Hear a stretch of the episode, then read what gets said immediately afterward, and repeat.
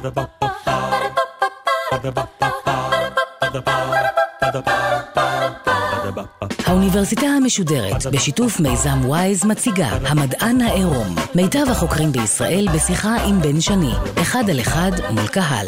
והפעם, שיחה נוספת עם הפרופסור ניר אביאלי, מהמחלקה לסוציולוגיה ואנתרופולוגיה באוניברסיטת בן גוריון, ונשיא האגודה האנתרופולוגית הישראלית, על כוחו של האוכל, חברה ופוליטיקה על השולחן. עורכת ראשית, מאיה גאייר.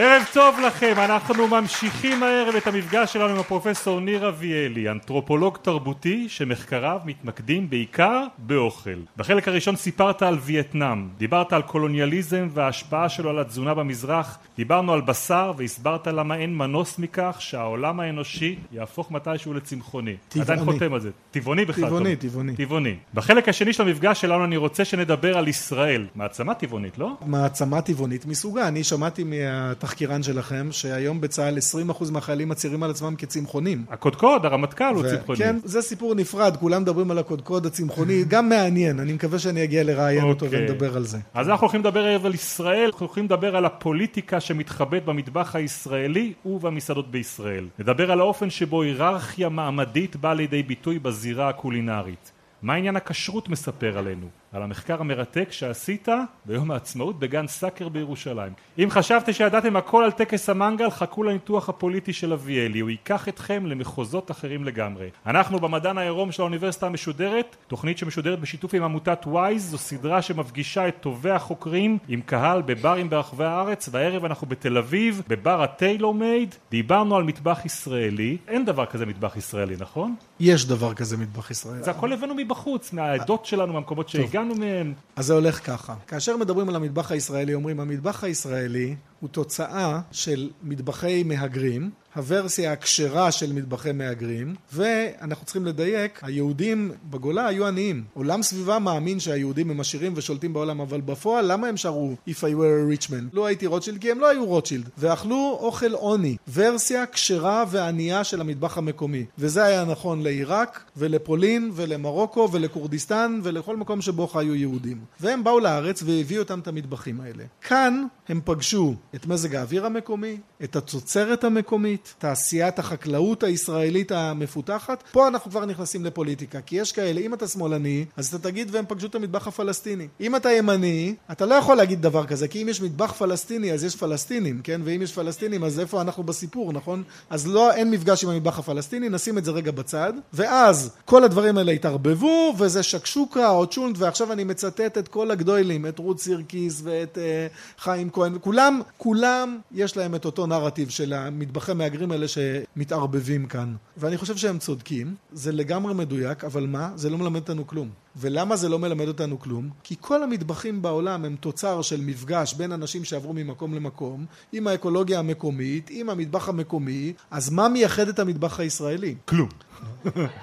אני רוצה להציע שמה שמאפיין את המטבח הישראלי זה גדול, מנות גדולות, זולות ואיכות לא כל כך משנה לנו האיכות. סיפרת לנו בחלק הראשון של המפגש מאיפה אתה מגיע להנחה הזאתי, אבל אולי תחזור על זה עכשיו, מאיפה אתה לומד את זה?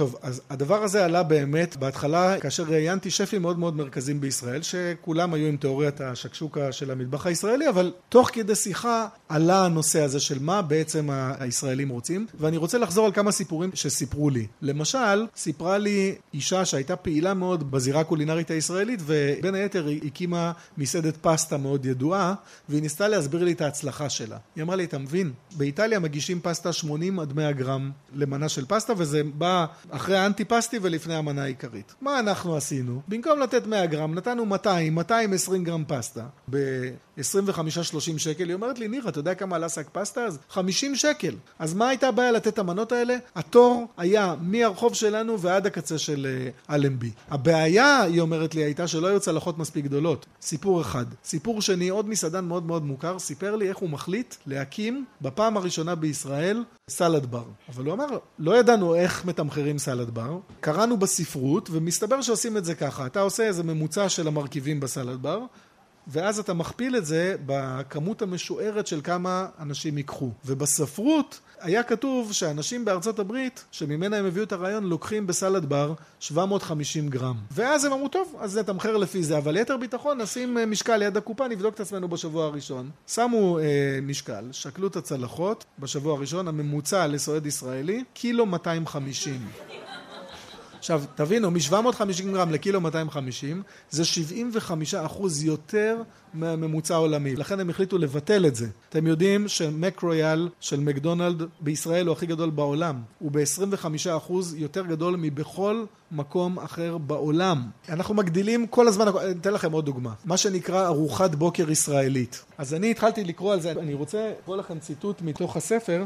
זה היה ראיון בעיתון עם אה, כן. דוד אה, פטל שהוא היה המנכ"ל של אה, רשת פטל והוא מתאר, אני תרגמתי את זה לאנגלית, אני מתרגם חזרה לעברית. אורחים במלון מלא שיש בו 300 חדרים, זאת אומרת 600 אורחים, מחסלים, ככה הוא אומר בריאיון, מחסלים 700 עד 800 קרואסונים, 500 לחמניות, 40 כיכרות לחם ועוד כמה קילוגרמים טובים של קורנפלקס.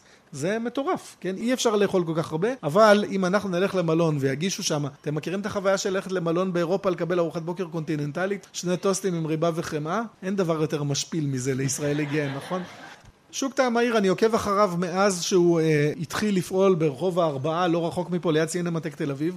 הרעיון היה לאפשר לאנשים שידם בדרך כלל אינה משגת לאכול במסעדות יוקרה בתל אביב, לאכול רבע מנה ברבע מחיר, מהמנות היוקרתיות של המסעדות הטובות בתל אביב. תוך עשרים שנה זה הפך להיות, שימו לב, בפרסום של זה, לאירוע האוכל השני בגודלו בעולם, ככה מפרסמים את זה. אני לא יודע אם זה נכון, אבל ככה מפרסמים את זה. ומה מגישים בשוק טעם העיר? אתם יכולים לחזור אחריי בקול רם, נכון? מנות גדולות וזולות, ואיכות זה לא כל כך משנה. אנחנו יכולים להמשיך ולגעת בכל מופע של אוכל בחברה הישראלית ולראות את זה. אבל אנחנו מחזיקים אותך פה כאנתרופולוג, לא כדי שתאר לנו את מה שאנחנו רואים כולנו במלון באילת שאנחנו יורדים אליו בארוחת הבוקר, אלא שתסביר לנו מה פוליטי בסיפור הזה שאנחנו רוצים את המנה שלנו גדולה. אוקיי, okay. אז זה הולך ככה. קולגה שלי, מיכאל פייגה, זיכרונו לברכה, שנהרג בפיגוע לפני שנתיים במסעדה בשרונה, כתב לפני 15 שנה עם קולגה אחר, לואיס רוניגר, הם כתבו מאמר שלדעתי הוא המאמר הכי טוב שנכתב בדור האחרון על החברה הישראלית, אבל הם נתנו לו שם לא טוב. למאמר הם קראו The Freier Culture in Israel, כן? תרבות הפרייר בישראל. ולמה השם לא טוב? כי השם הנכון היה צריך להיות תרבות הלא פרייר בישראל. הם טוענים שם את הטענה הבאה, אני מסכים איתם, אני חושב שאם יבקשו ממני להגיד, אוקיי, תגיד לנו על רגל אחת, מה זה להיות ישראלי? התשובה שלי תהיה, אני לא פראייר של אף אחד. ואז רוניגר ופייגי אומרים בואו נברר רגע את העניין הזה עם הלא פראייר. והם מראים איך בעצם פראייריות זה דבר אמביוולנטי בישראל. זאת אומרת זה נכון שכולנו לא רוצים להיות פראיירים אבל יש סיטואציות שבהם דווקא אנחנו רוצים וגאים להיות פראיירים. אתם זוכרים את מעל הפראיירים? הפגנות של מילואימניקים נגד חוק טל בסיבוב הקודם שלו, ומה הם אמרו? אנחנו גאים לעשות מילואים, אנחנו גאים להיות פראיירים, כן? אז אפשר לתת לזה הסבר סוציולוגי פשטני. פעם היינו חברה אידיאולוגית, מגויסת, מגובשת, הקולקטיב היה מעל הפרט, ואז לאט לאט יש תהליכים טבעיים שבהם הכריזמה נשחקת, הליכוד החברתי נשחק, האידיאולוגיה מתרופפת, ועברנו מאידיאולוגיה קולקטיבית לאידיאולוגיה אינדיבידואליסטית, ואז אף אחד לא רוצה, כולם אומרים אני לא פראייר. לא הסבר טוב. ולמה זה לא הסבר טוב? כי, אומרים רוניגר ופייגה, בעצם החיים בישראל הם חיים שמבוססים על דרישות מטורפות של המדינה מאיתנו. אנחנו משלמים מיסים מאוד מאוד גבוהים, מקבלים שירותים, אה, לא כל כך טובים, בוודאי לא ביחס למיסים שאנחנו משלמים. אנחנו משרתים בצבא. המצב פה הוא במקרה הטוב לא משהו, נכון? כל הזמן המצב ככה, כן? החיים פה בישראל הם חיים קשים. המדינה תובעת מאיתנו תביעות מאוד מאוד מאוד גבוהות, ובעצם אנחנו במצב כרוני פראיירים של המדינה. זה מה שאומרים פייגה ורוניגר, לא ניר אביאלי, כן? תמיד אנחנו פראיירים של המדינה, אבל אי אפשר להיות פראייר כל הזמן, חייב להיות איזה שסתום ביטחון. ולכן, ברמה היומיומית, ברמה שבין אדם לחברו, אנחנו מתקנים את הפראייריות העמוקה מול המדינה על ידי זה שאנחנו לא פראיירים באינטראקציה בינינו. עכשיו כל אחד מכם שידמיין את עצמו, הולך למוסך. זוכרים? מה קורה כשאתם הולכים למוסך? הלא ידעתם בדיוק מה יהיה, נכון? המוסכניק, מה הוא הולך לעשות? הוא הולך לדפוק אתכם, נכון? אבל גם המוסכניק הוא רואה אתכם והוא אומר אני יודע מה הולך לקרות. אני אגיד להם כמה זה עולה, הם יגידו בסדר תתקן, וכשיגיע זמן התשלום הם יתחילו להתמקח איתי, נכון? תחשבו על כל אינטראקציה שיש לנו מהסוג הזה ותראו איך כולנו כל הזמן עסוקים בשאלה הזאתי. ועכשיו נלך לעולם המסעדות. מה קורה כשהולכים למסעדה בישראל? הלקוח, מה הדבר הכי חשוב לו?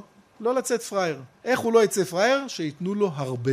ופה אני רוצה לחזור לאותו, לאחד הרעיונות האלה המוקדמים, ישבתי במטבח של אה, חיים כהן, ואז פתאום הוא אומר לי, ניר, אתה יודע מה זה להיות שבע בישראל? אתה יושב ליד השולחן, הכפתור שלך פתוח, אתה מזיע, אתה מת להקיא, שבע. עכשיו, למה כולנו צוחקים? כי אנחנו כולנו מכירים את זה אה, פיזיולוגית, נכון? את, התחושה הזאת של השובע שהוא, אה, שהוא תיאר שם. ואז התחלתי לחשוב על זה בעצם. מה שהוא אומר הלוא זה מדויק לחלוטין. למה?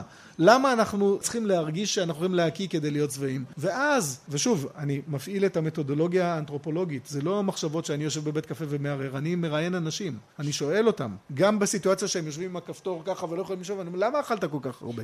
ואז מתחילים ההסברים. וההסברים הם כמובן הגלות, והעוני, והחוויות של הרעב, וכמובן, זה בהכרח יגיע גם לשואה, ויש ליין מקביל, והוא הליין שאצל היהודים שהגיעו מארצות מוסלמיות הייתה גם התחרות עם האירוח של השכנים כי, כי האירוח הערבי הוא אירוח שבו יש תחרות, נכון? אתה מתחרה עם האורח מי ישבור את מי. לזה קוראים באנתרופולוגיה פוטלט, שאתה נותן לו דברים שהוא לא צריך והוא חייב להכניס אותם לגוף ואז הוא עושה גרפץ, אומר שהוא נכנע, כן די, אני לא יכול, ניצחת. עכשיו הדברים האלה ביחד יוצרים את המצב הזה של האכילה עד להתפקעות. עכשיו אנחנו חוזרים לסיפור הלא פראייר. הולך הלקוח הישראלי למסעדה והדבר שמטריד אותו במיוחד זה לא לצאת פראייר. ואיך הוא לא יצא פראייר? הוא יצא שבע. ואתם זוכרים מה זה להיות שבע בישראל. אז מה צריך לתת לו? צריך לתת לו מנה גדולה וזולה. אבל צריך לזכור שגם בעל המסעדה הוא לא פראייר. אז מה הוא עושה כדי לא לצאת פראייר? הוא נותן לו אינגרידיאנס אה, ככה ככה. סיפר לי אה, מישהו שהוא הגיש איזה מנה מאוד מתוחכמת עם לוקוס במאה שקל וקבב לוקוס הוא נתן לי גם לטעום, זה היתרון בלהיות אנתרופולוג של אוכל. באמת זה היה מאוד מוצלח, הוא אומר לא הלך, לא הלך, לא הלך, עד שיום אחד אמרתי וואלה, נשים את זה על ערימה של קוסקוס. מאותו רגע, והוא אומר לי ערימה של שני שקל, הוספתי לתמחור של המנה, מאותו רגע המנה הזאתי להיט במסעדה שלי, רצה הכי חזק מכל המנות האחרות. למה? כי גם אני נותן להם את הלוקוס הטעים, אבל גם הם יצאו שבעים ומלאים והכל בסדר. דבר איתי על הדבר הכי ישראלי שיש, על יום העצמאות. טוב, יום העצמאות גם מקרה קשה. כשאני הייתי ילד עשו ביום העצמאות כל מיני דברים. יש פה מספיק אנשים בקהל שגם זוכרים תקופה שבה היו כל מיני דברים ביום העצמאות. אני אזכיר לכם, היה מצעד צה"ל, היה חידון התנ"ך, היו במות, היו הרקדות, היו כל מיני דברים. אבל היום, כשחושבים על יום העצמאות, הדבר היחיד שחושבים עליו זה המנגל. ומנגל הפך להיות לא רק לדבר המרכזי שעושים ביום העצמאות, אלא גם הדבר היחיד. ואז אני כאנתרופולוג של אוכל אומר, אם זה הדבר שעושים ביום העצמאות, אז בטח יש איזו משמעות מיוחדת לחתיכות האלה של הבשר, שאומרות משהו על אה, ישראליות. ואז חשבתי איפה לעשות אה, מחקר אתנוגרפי, והחלטתי לעשות אותו בגן סאקר.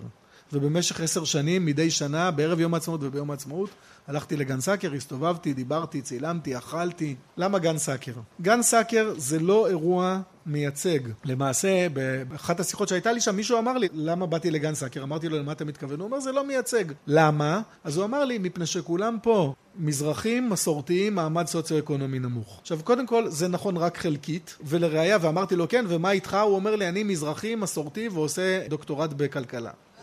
אז, כן, אז כבר לא עבד כל כך טוב הסיפור הזה של מעמד סוציו-אקונומי נמוך, אבל בסדר. גן סאקר זה אירוע איקוני, זה אירוע בולט ציבורית, ולכן מה שאני אומר על גן סאקר, אני לוקח אחריות רק על גן סאקר. לא לוקח אחריות על אירועי מנגל אחרים שהייתם, לא מה שאתם עושים, כן? אתם, ברור לי שאתם שונים לחלוטין. בגן סאקר קורים שני דברים. יש את העניין של הבשר שאוכלים אותו, ויש את עניין ניהול המרחב, ואני אתייחס לשני העניינים האלה. קודם כל לגבי הבשר. בגן סאקר יש פרטיטורה, כן? זה קונצרט אה, עם סדר קבוע של המוזיקה, נכון? מה שמים ראשון על המנגל? נקניקיות. נקניקיות, כנפיים, המבורגרים וקבבים מתועשים, שיפודי פרגיות, ואז אולי סטייקים ואולי אולי צלעות כבש. נכון? מכירים את הסידור הזה. ואז אני שואל את עצמי ואת האנשים שעושים את זה למה? ומי עושה מנגל? גברים? גברים. הגברים עומדים שם ליד האש, מנפנפים, מזיעים. אומרים לי, תראה, הילדים והנשים, הם לא יכולים לחכות. צריך לתת להם משהו מהר ש... שיהיה מוכן. הוא אומר לי, הם לא יכולים לחכות. ואוכל נקניקייה. זאת אומרת, יושב שם ומסביר לי איך הוא נותן פריבילגיה להם, ובו בזמן, הוא כל הזמן תוקע בעצמו. עכשיו, תחשבו איפה אנחנו עומדים. יום העצמאות, אתמול היה יום הזיכרון. אתמול זכרנו בצער את הגברים הצעירים שוויתרו על החיים שלהם כדי לאפשר לבני המשפחות שלהם לחיות חיים נורמליים. מה עושים ביום העצמאות בגן סאקר? מחזירים את הסדר הפטריארכלי התקין על כנו. מי באמת צריך בשר איכותי? אם בכלל צריך בשר, אני רוצה... אבל נניח, מי צריך באמת הבשר?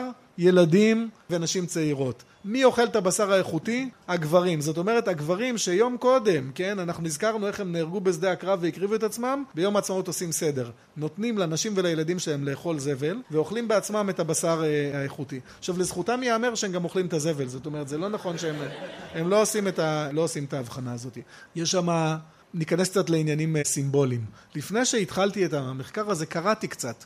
מי עושה מנגל ביום העצמאות? ביום העצמאות ברביקיו עושים בארצות הברית, בארצות דרום אמריקה, ארגנטינה, ברזיל, אורוגוואי, פרגוואי, אוסטרליה, ניו זילנד ודרום אפריקה. מה משותף לכל הארצות האלה? כל הארצות האלה הן בעצם ארצות קולוניאליות לבנות, שבהם גברים לבנים באמצעות בקר השתלטו על המרחב וגירשו את ה natives. זה האתוס, האתוס של הקאובוי, של הגאוצ'ו, של הגבר עם הרובה, עם אלף פרות או עם חמשת אלפים כבשים, שהולך למרחב הזה, שהוא מרחב די ריק, ואז הוא מגדר אותו, כן? הוא תופס לעצמו טריטוריה, מגדר אותה, אומר, זה שלי, ומי שעכשיו ייגע בשטח שלי, אני אהרוג אותו. ואז לכאורה הייתי יכול לעצור פה ולהגיד, הנה, גברים, טריטוריה, התיישבות, יש לנו את כל, את כל הסיפור, רק מה הבעיה? אצלנו לא היה גבר יחיד עם אלף פרות, מקסימום היה עוד דונם ועוד עז, נכון? ואז אומר המחקר על ארצות הברית ועל אוסטרליה ועל ארגנטינה, ביום העצמאות עושים מחווה לכיבוש הארץ. זאת אומרת שהגברים האמריקאים יוצאים לחצר האחורית שלהם ועושים ברביקיו, בעצם הרפרנס שלהם, הרפרור, הוא לאותם גברים שכבשו את המרחב האמריקאי. המודל הוא תמיד מודל של גבר שאוכל בשר בקר. למה? למה לאכול סטייק זה המופע האולטימטיבי של גבריות? כי כשאנחנו מדברים על בשר וכוח, אנחנו אומרים, תאכל בשר בקר, תהיה חזק כמו שור, נכון? אתה תספוג, ובאמת, התיאוריה האנתרופולוגית מדברת כל הזמן על זה שהאכילה של בעלי חיים מאפשרת לך לספוג את הכוח שלהם. אם תרשה לי לחזור רגע לווייטנאם, בווייטנאם יש מסעדות שמתמחות בבשר תיש, לא עז, תיש. ואוכלים את הבשר של התיש צלוי, וניגש אליך מלצר ואומר לך יין אדום ויין לבן. זה לא יין אדום ולא יין לבן, זה אלכוהול אורז. לתוך האדום שפכו בעצם את הדם של התיש אחרי ששחטו אותו, לתוך הלבן שמו את האשכים של התיש, וכשאני שואל אותם למה?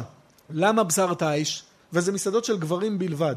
הם אומרים לי, תגיד, אתה ראית פעם תיש? תיש, הם אומרים לי, יש זכר אחד, חמישים נקבות או מאה נקבות, ולא רק שמותר לו לקיים יחסי מין עם כולם, הוא יכול, זה לא רק שמותר לו, הוא גם פיזית מסוגל לקיים יחסי מין עם כל העדר. אז מה אני עושה בתור גבר וייטנאמי שרוצה להיות כמו תיש? אני אוכל את הבשר של התיש כדי לספוג לתוכי את העוצמות, במקרה הזה, כן, את הליבידו התיישי. אני רוצה לחזור לסימבוליות. אם כשאוכלים סטייק אתה נהיה חזק כמו שור, מה קורה כשאתה אוכל פרגיות? תשובה קצרה, ועכשיו נלך למרחב. הדבר השני שקורה בגן סאקר זה העניין של לתפוס מקום. הדבר שבעיניי היה הבולט ביותר היה העניין של איך אתה תופס מקום בתוך גן סאקר. גן סאקר זה מדשאה גדולה, יש מעט מאוד צל, יש רק שלוש ברזיות מים, ואנשים שם מתחרים על המקום בצורה פרועה, באים לשם בערב הקודם, בחמש בבוקר, תוקעים בזנתים, מסמנים עם חוטים, תולים דגלים, בונים מועלים, מביאים ציוד, ואז כמו שאחד האנשים שראיינתי אמר לי, הם כולם אומרים שהם באים פה כדי להיות ביחד. כן, אבל כל אחד מיד תוחם לעצמו חתיכה, אומר זה שלי, ואם מישהו ייגע בזה אני אהרוג אותו. ואני מסתכל על הדבר הזה ואומר, וואלה, אני יודע מה אני רואה, אבל לא יורד לי האסימון. ופתאום הבנתי. האתוס שלנו הוא באמת לא אתוס של גבר אחד רוכב על סוס עם אלף פרות, האתוס שלנו זה חומה ומגדל. לבוא בשקט בלילה, עם קרטונים, טיק טיק טיק טיק מהר להקים מקום ולהגיד זה עכשיו שלי ואני פה לא זז עד מוות. ובעצם בגן סאקר במובן מסוים זה מה שהם עושים. עכשיו, אתם יודעים חומה ומגדל, הלוא זו הייתה תקופה היסטורית מאוד קצרה, אבל הרעיון הזה של לבוא בלילה ולתפוס מקום התחיל בדגניה ועד היום זה מה שעושים נוער הגבעות. ואת זה גם ראיתי בגן סאקר. כי מה שאני רוצה רק להוסיף פה, שאנתרופולוגיה של אוכל זה לא רק מה אוכלים ולא רק איך אוכלים, אלא כל הסטינג מסביב הוא רלוונטי לסיפור. אני רוצה שנחזור רגע אחורה, על המקום שממנו כולנו מגיעים, ולדבר אולי הכי ותיק שמשפיע על המטבח שלנו, וזה הכשרות. אז גם שם אנחנו מכירים את הסיפורים שהכשרות מקורה בניסיון לשמור עלינו מבחינה גופנית, שלא נאכל דברים לא בריאים. אתה טוען שזה בכלל גם כן עניין של פוליטיקה. של פוליטיקה ושל מבנה חברתי. בואו נאמר רגע משהו על, אה, על בריאות, שזה טיעון שחוזר על עצמו. עכשיו תדמיינו לכם שהסתבר במחקר תזונתי רציני שהתפרסם בסייאנס, שהדבר הכי בריא לאכול אותו זה בייקון עם אה, גבינה צהובה, בתוך לחם לבן. מה זה אומר? שאלוהים טעה? הטענות האלה הן טענות שהופכות את אלוהים לדיאטנית במכבי. אני לא, אני לא, לא מזלזל בדיאטנית במכבי חלילה, אבל זה, זה לא רציני. יש הסברים יותר רציניים לעניין הזה של כשרות, ואני קודם רוצה לומר משהו על זירת המסעדות בישראל, ואז נחזור לזה. ברעיונות שלי עם אה, אנשים שמפעילים מסעדות הסתבר שההחלטה על כשרות או לא כשרות בישראל היא ההחלטה הקרדינלית ביותר בהקמת מסעדה. זה יותר חשוב אם אתה כשר או לא כשר מאשר אם אתה רוצה שהמסעדה שלך תהיה סינית או שאתה פותח פלאפל. עד כדי כך. כשרות היא קריטית במדינה הזאת. ואני רוצה להציע פרשנות משלי לכשרות, קבלו או לא תקבלו, it's up to you. אני חושב שמה שהכשרות עושה היא אמצעי מאוד מאוד מתוחכם שמבטיח להפריד בין יהודים למי שאינם יהודים. זה מנגנון מאוד מתוחכם ומאוד יעיל שמונע קרבה ומעורבות והכי חשוב מונע נישואין. תחשבו על הסיטואציה הזאת. מישהו מכם מזמין אותי אליו הביתה ואז שהוא מגיש לי כוס מים או קפה או רוצה להזמין אותי לארוחה אני אומר לו לא לא לא לא כשר. מה אמרתי לו? אמרתי לו הבית שלך הוא לא מספיק טהור, נקי, מסודר בשבילי, כן? אין דחייה חברתית יותר, companion, companionship זה בא מקומפן, כן? לחלוק לחם. זה המקור של המילה הזאת. אם לחלוק לחם זה המקום החזק ביותר של קרבה, מה שהכשרות עושה זה לשים סייגים וגבולות. ואני חושב שהרעיון העמוק מאחורי הכשרות, שחוזר על עצמו שוב ושוב בטקסטים היהודים, זה הרצון הזה לא להתבולל, לא להתחתן עם הגויים, לשמור עד כמה שאפשר אה, מרחק מהם. מה שקורה היום בישראל באופן אבסורדי שהכשרות היא לא רק אמצעי שמפריד בין יהודים למי שאינם יהודים אלא הפך להיות היום מנגנון מפריד בין יהודים כן, ובצורה מאוד מאוד חריפה, אנחנו לא יכולים לאכול אצל חצי מהשכנים שלנו, או הם לא יכולים לאכול אצלנו. אבל אצל שכנים קצת יותר רחוקים שלנו יש גם כשרות, יש כשרות מוסלמית, יש אה, דיני כשרות גם אצלם, מה כן. מבדיל אותם משלנו? האסלאם והנצרות הן דתות מיסיונריות. הן רוצות שאנשים יצטרפו אליהם, ולכן הן לא מפעילות כאלה מנגנונים של הפרדה. היהדות היא בדיוק הפוך מזה, כן, היהדות היא דת אקסקלוסיבית, לא רוצה שיצטרפו אליה, קשים גרים לישראל כספחת, והנה אנחנו רואים מנגנון שדוחף ומרחיק אנשים החוצה. סיפרת על הזירות שאתה חוקר אותן בישראל, הזכרת פה את שוק טעם העיר, את המסעדות, דיברת על גן סאקר, עוד מקום שחקרת אותו חדר האוכל של הקיבוצים. מה מגלים שרואים מעבר על המקום הזה? אתם יודעים, חדר האוכל הוא הלב של הקיבוץ. כל מי שהיה בקיבוץ הוא יודע שפיזית חדר האוכל נמצא בדיוק באמצע, הקיבוץ בנוי קונצנטרי, יש חצי של מגורים, חצי של עבודה, חדר האוכל באמצע. כל המוסדות החשובים, המזכירות, הדואר, הסדרן רכב, כולם נמצאים או בבניין עצמו או אה, בסמוך אליו. וכשאני התחלתי לעשות את המחקר הזה, הסתבר לי מהר מאוד שהלב של הקיבוץ זה גם המקום הכי בעייתי בו. וחדר האוכל בקיבוץ הוא תמיד עומד במוקד של ביקורת ושל שינויים. למשל, ראיינתי אה, חברי קיבוץ ותיקים על ההיסטוריה והם סיפרו לי על עצמם, חלק מהם סיפרו על אבא שלהם, על האירוע הנוראי שבו החליטו לאשר לחברים קומקום בחדר. אתם יודעים שהייתה תקופה שמים חמים ותה היו רק בחדר האוכל. קומקום בחדר? סוף הקיבוץ, כל חבר ילך לחדר, ישתה לבד תה ועוד יאכל ביסקוויטים, כן? הרעיון הקיבוצי הבין בשלב מאוד מאוד מוקדם שהמתחרה העיקרי שלו זה המשפחה. ואז, איפה המקום שבו הכי קל לפגוע במשפחה? במטבח. ההגדרה של משפחה זה אנשים שאוכלים ביחד. בא הקיבוץ ואומר לא. אני אמלא את התפקיד הזה, ולכן היה כזה מאבק לאורך כל הדרך בניסיונות לאכול לבד בחדר. אז זה שלב ראשון. שלב שני, דרמה ב', הייתה הדרמה במעבר מהגשה לשולחנות לאוכל במזנון. גם זה לכאורה, כולה מה הסיפור? במקום שאנשים ישבו ויגישו להם, הם יקומו וילכו לבד. ופה אנחנו חוזרים לווייטנאם. אני הייתי במקרה באירוע הראשון בעיר שאני עשיתי במחקר, שבחתונה, במקום להגיש את האוכל לשולחנות, הגישו בבופה. והייתה קטסטרופה. מכיוון שהם לא ידעו איך עושים בופה, הם כנראה ראו את זה בטלוויזיה, או ראו את זה באיזה בית מלון, והחליטו, הם אמרו לי מראש, זה חברים, אנחנו הולכים להגיש בופה, כמו בסייגון, והם שמו שולחן של ארבע מטר, היו 200 אורחים, שמו את כל האוכל על השולחן הזה, צלחות במקום אחד, מזלגות במקום אחר, ו-200 איש ניסו לגשת לשולחן. עכשיו אני הסתכלתי על זה כמו שאתה רואה אה, תאונה בהילוך איטי, זאת אומרת היה ברור לי שהולך להיות פה אסון ואם זה היה בישראל אנחנו יודעים מה היה קורה אם 200 איש היו מנסים להגיע לשולחן כי 200 לא פראיירים אה, מנסים להגיע לשולחן כדי לאכול אבל זה היה וייטנאם ובווייטנאם הם התנהגו כמו וייטנאמים הם הבינו שיש תקלה הם קפאו העלו את החיוך הזה של המבוכה ולאט לאט זזו אחורה ואז אני מסתכל ואני רואה את האבא והאימא של הכלה רצים עם שולחן פותחים אותו, מזמינים את כל האורחים המבוגרים שעמדו בצד עם פרצוף של ברוגז מפני שהם רגילים לשבת ליד השולחן ומגישים להם קודם והם אוכלים ראשונים ופתאום הם צריכים לעמוד בתור עם כל החבר'ה ואז פתאום הבנתי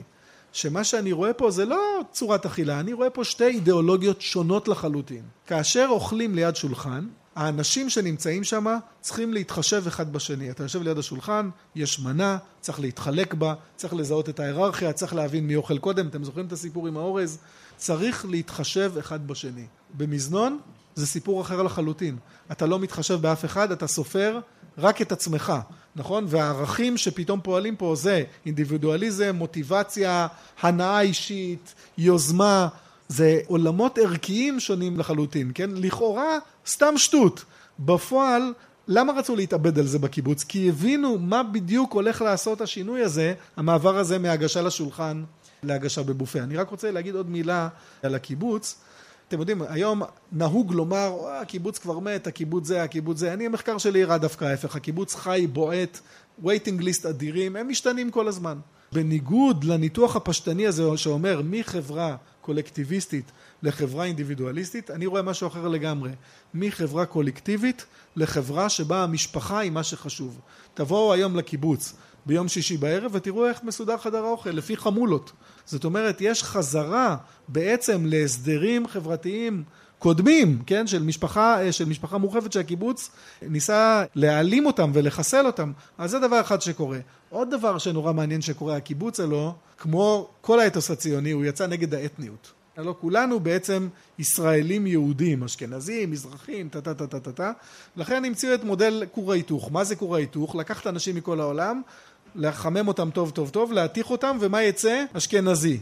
נכון? זה, זה המודל של כור ההיתוך. ואז אתם באים היום לקיבוץ ורואים יש כל מיני מנות, ויש מנה דג מזרחי. אני מזמין את הדג המזרחי הזה, תואם אותו, אני אומר לה, בסדר, זה אדום, אבל זה לא חריף. אז היא מסתכלת עליי ואומרת לי, זה בכל זאת קיבוץ פה, כן?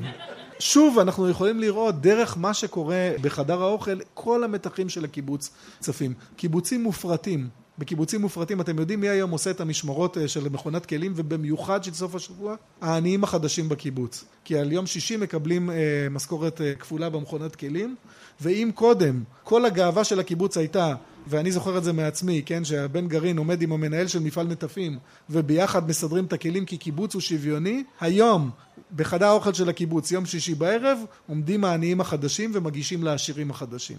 אבל דיברת על זה שהתפריט בקיבוץ הפך להיות אשכנזי לחלוטין, בעוד שאני מניח שאם ננסה למצוא מה הטעם על הקולקטיבי של הציבור בישראל למסעדות אשכנזיות, שמישהו גם קרא להם פעם מסעדות יהודיות, הולכים הרבה פחות מאשר למסעדות מזרחיות. נכון. עד לפני עשר שנים, גם במדורי האוכל, היה דבר שקראו לו אוכל יהודי.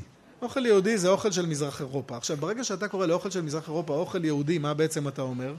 שכל שאר האוכל הוא לא יהודי, נכון? עכשיו, אנשים פיתחו לעניין הזה מודעות, ולכן אה, העיר תל אביב היה הראשון שהפך את זה לאוכל מזרח אירופי. ירושלים, הכל קורה לו עשר שנים אחר כך, אז עשר שנים אחר כך הם גם החליפו את זה למזרח אירופי. והיום בעצם בישראל, חוץ מבאנקלבים חרדים, אין יותר כמעט מסעדות אשכנזיות. האוכל האשכנזי נעלם מהזירה הציבורית. אבל מה שנשאר זה המבנה של הארוחה. אם תלכו לכל חדר אוכל מוסדי בארץ, המבנה של הארוחה, כן? מנה ראשונה סלטים ומרק ומנה עיקרית שמורכבת מבשר ותוספת אחת פחמימה ותוספת אחת ירקות, זה המבנה הקלאסי של הארוחה האירופית לצורך העניין, ובוודאי לא דומה לאכילה הפלסטינית או לאכילה הצפון אפריקאית או הווייטנאמית לצורך העניין, זאת אומרת מה שנשאר זה המבנה והתכנים הם אה, עוברים אה, לאט לאט אה, התאמה. פרופסור ניר אביאלי, לקראת סיום אנחנו נמצאים ואני רוצה לשאול אותך סבב מהיר של שאלות, התשובות עליהן צריכות להיות הפעם כן ולא. צריכות מילה או משפט קצר, אוקיי? בתוכניות בישול אתה צופה? כן. איזה? אה, לאחרונה הסתכלתי בבוא לאכול איתי. למה? מה אתה אוהב בזה? אני אמביוולנטי לגבי זה, זאת אומרת, זה לפעמים מדהים אותי, אבל זה... יש שם מימד של מציצנות מטורף. והעניין של מה הם בוחרים לאכול, זה כאילו שהם דמויות מתוך הספרים שלי. זאת אומרת, איך הם בוחרים מה להגיש, זה, זה עובד לי. אז בוא נלך אה, לאכול איתך. מה הדבר הכי טעים שאתה יודע לבשל? אני גר במושב אה, של כורדים ומרוקאים. יש לי שכן מרוקאי שיש לו יד מדהימה לרוטב אדום, אני משתפר בזה. אז עכשיו זה מה שאני אוהב לעשות. דג ברוטב אדום ליום שישי, אני חושב שאני משתפר והולך. נשמע טוב. יש מאכל שלא תסכים בשום פנים ואופן לאכול? קשה לי עם כלב, ואני לא, לא אוכל כלבים, אני עבדתי במדינה שאוכלים בכלבים, כתבתי על אכילת בשר כלבים, כי זה נושא מעניין, זאתי בדיוק הדוגמה הזאתי, למה אנחנו מייחסים אין סוף תכונות של רשעות. אני רק אומר בקצרה, אם תרשה לי, כן. יש לי פרק בספר על המיתוס של אכילת כלבים בקרב העובדים הזרים התאילנדים. למה מיתוס? כולנו יודעים שזה נכון, רק יש בעיה קטנה אחת, זה לא קורה. זה מיתוס. שלמה הוא נולד? נשים את זה כשאלה. למה שבלב ההתיישבות העובדת, שפתאום מביאה עובדים זרים שיעבדו במקום ההתיישבות העובדת, מה עושה ההאשמה הזאת באכילת אה, כלבים? מי שאוכל כלבים הוא לא באמת אנושי, ואם הוא לא באמת אנושי, אולי לא חייבים להתייחס אליו כמו שמתייחסים לבני אנוש. ואז אפשר לשלם מעט ולנצל ולתת תנאי מגורים לא טובים. אם היו נותנים לך אפשרות לקחת את המשפחה מהמושב שם בעוטף עזה לשנתיים מחקר באיזה מקום שאתם רוצים בעולם, לאן היית נוסע איתם? אני אענה פעמיים, בסדר? אני הייתי נוסע ליוון. זה, יוון דווקא. כן, זה גם לא פנטזיה, זה הולך לקרות. אוקיי, אז יוון ו? מה שפעם קראו לו גרוזיה והיום גיאורגיה. גם מקום מדהים, עם אוכל מדהים, עם אנשים מדהימים. פרופסור ניר אביאלי, תודה רבה רבה לך על המפגש הזה. תודה. תודה גם למי שסייעו בהכנת התוכנית הזאת, העורכת הראשית, מאיה גייר, על ההפקה והתחקיר, נחום וולברג, את הביצוע הטכני עשו דניאל שבתאי ויאיר בסט, תודה לשותפים שלנו מעמותת וויז. כל תוכניות המדען העירום זמינות להאזנה באתר ובאפליקציית גל"צ ובשאר האפליקציות של הפודקאסטים. אל תשכחו להמליץ לחברים שלכם. אני בן שני, עד המפגש הבא, לילה טוב. Ba-da-ba-ba-ba האוניברסיטה המשודרת, המדען העירום. בן שני שוחח עם הפרופסור ניר אביאלי, מהמחלקה לסוציולוגיה ואנתרופולוגיה באוניברסיטת בן גוריון ונשיא האגודה האנתרופולוגית הישראלית על כוחו של האוכל, חברה ופוליטיקה על השולחן. עורכת ראשית, מאיה גאייר. עורך ומפיק, נחום וולברג. ביצוע טכני, דניאל שבתאי ויאיר בסט. האוניברסיטה המשודרת, בכל זמן שתרצו, באתר וביישומון גלי צה"ל ובדף הפייסבוק של האוניברסיטה המשודרת. ba ba.